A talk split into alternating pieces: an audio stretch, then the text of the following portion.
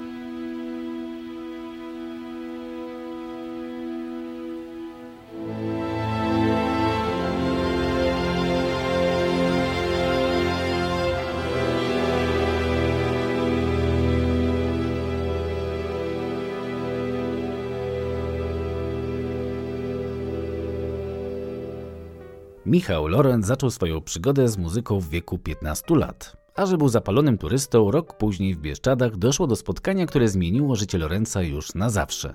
Bo na szlaku Michał Lorenz wpadł na Jacka Klajfa i Wojtka Belona. I od słowa do słowa Lorenz nagle związał się na kilka lat z wolną grupą Bukowiną.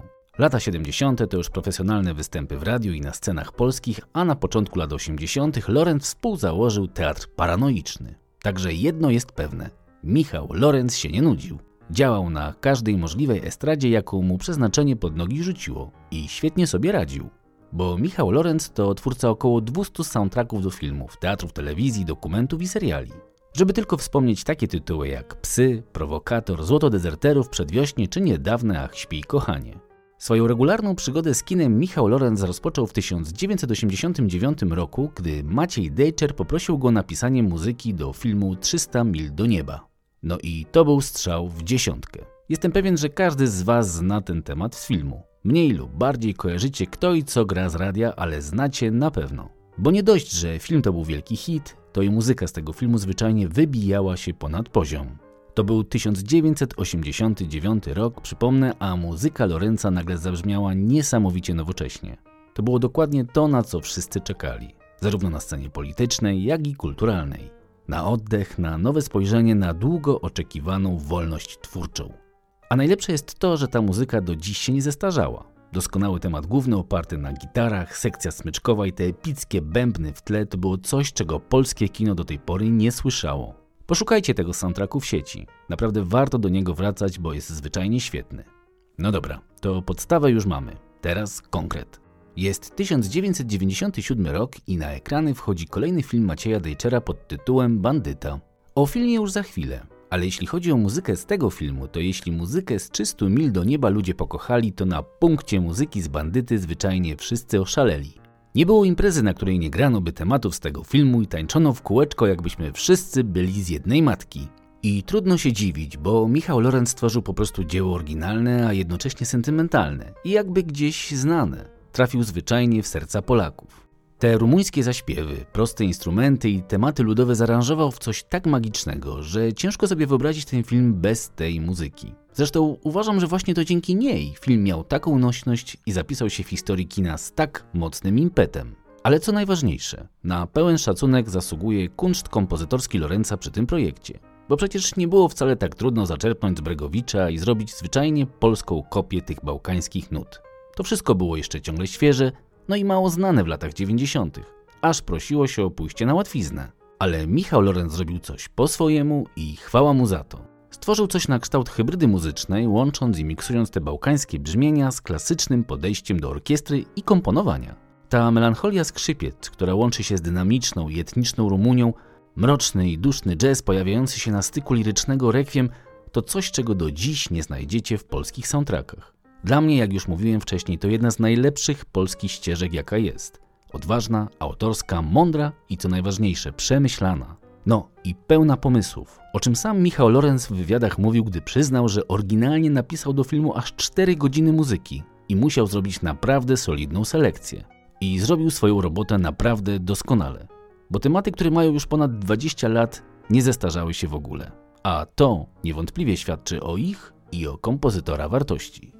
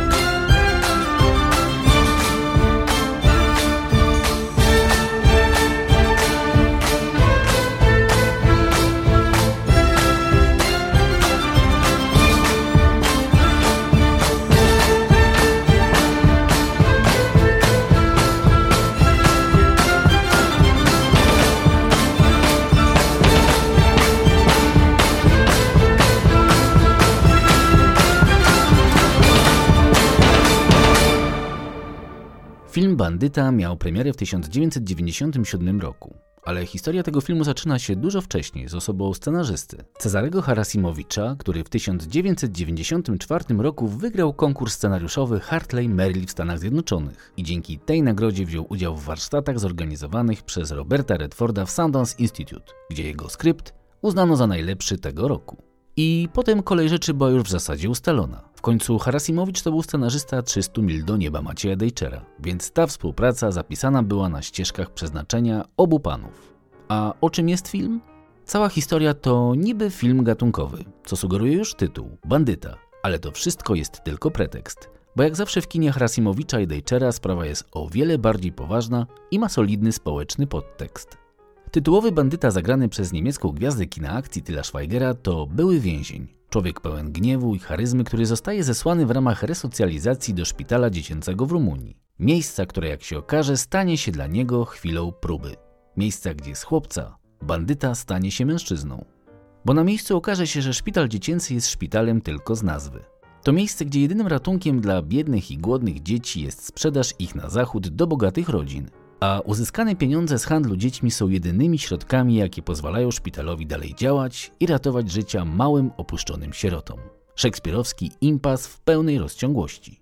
Bo bohater, Brud, który nagle przyjechał z bogatego zachodu, nagle jak sam Hamlet zostaje usiedlony w zamku, z którego nie ma ucieczki. Nie ma ruchu w tył, nie ma ruchu do przodu. Bo tylko sytuacja, która trwa, choć jest absolutnie patologiczna, pozwala tym dziesiątkom innym istnień trwać. I tak bandyta próbuje znaleźć się w tej nowej dla siebie sytuacji. I w zasadzie prawie mu się to udaje. Pojawia się jednak problem, bo w bohaterze zakochuje się dwunastoletnia chora cyganka. Dziewczynka nie ma żadnych szans na przeżycie. I jedyne co bandyta może zrobić, to nagle okazać się człowiekiem. Chyba pierwszy raz w życiu. Postanawia udawać miłość do dziewczynki i zaskakująco również dla siebie, to udawanie zmienia się w prawdziwe uczucie. Uczucie szacunku, odpowiedzialności i świadomości. Bandyta po raz pierwszy zaczyna czuć. I gdy Elena umiera, razem z nią umiera wszystko, co do tej pory kształtowało myśli byłego przestępcy. Brud ma już dosyć i postanawia rozprawić się z całym złem, jaki do tej pory drąży szpital. Jaki jest koniec tej historii? No, jeśli nie pamiętacie, zobaczcie. Jeśli nie znacie, nie myślcie, że z wcześniejszego opisu macie już jakiś obraz. Bo tak jak mówiłem wcześniej, bandyta to tylko z pozoru kino gatunkowe. I jak zawsze, nie będę wam zdradzał zakończenia. Polecam wam tą historię z całego serca. Poświęćcie na ten obraz chwilę waszego życia i uwierzcie mi, nie będzie to chwila stracona. Choćby dla muzyki Michała Lorenza, tekstu Cezarego Harasimowicza czy reżyserii Macieja Dejczera, który jest mistrzem w budowaniu historii nieoczywistych. Historii, które mają podkład gatunkowy, ale swoją optykę skupiają jednak na ludzkich dramatach.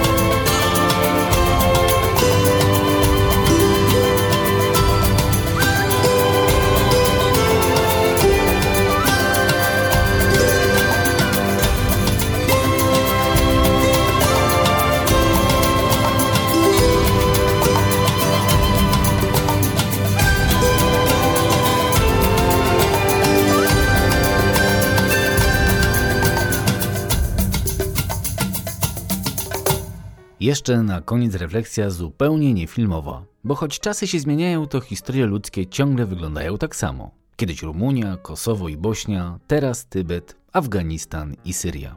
Ludzie zrobią wszystko, by przetrwać kosztem innych. Bo ludzie nigdy niczego się nie nauczą. Bo o czym bandyta opowiadał 25 lat temu, przecież ciągle jest aktualne. I dlatego to jest naprawdę straszne. Nie potrafimy się uczyć na własnych błędach. Przecież co chwilę oglądamy w telewizji o handlu ludźmi, bronią czy nielegalnych adopcjach. I takie filmy jak Bandyta właśnie z perspektywy czasu mają jeszcze większą siłę, bo pokazują jak bardzo ślepi i głusi jesteśmy. Jak czas i odległość od problemu nas zamyka we własnym bagienku. A może jednak czasem warto zadać sobie pytanie, jak już kiedyś prezydent Kennedy zadawał w latach 60. Nie pytaj, co twój kraj może zrobić dla ciebie. Zapytaj, co ty możesz zrobić dla swojego kraju. Wystarczy się rozejrzeć. I nie, żeby to było jasne, nie mówię o naprawianiu problemów szpitalów dziecięcych w Rumunii. Ale też tu mieszkam i widzę, że jednak można. Wystarczy tylko chcieć się otworzyć na świat. Zatem rozglądajmy się dookoła i zobaczmy. Może ktoś obok nas właśnie potrzebuje pomocy. Szczególnie, że przyszło nam żyć w naprawdę dziwnych czasach. No dobra, to tyle na dziś. Jeśli lubicie filmy i kochacie soundtracki, szukajmy się w sieci. Uważajcie na siebie, myjcie dokładnie ręce i dbajcie o swoich bliskich. A, i słuchajcie muzyki filmowej. Czołem i do następnego.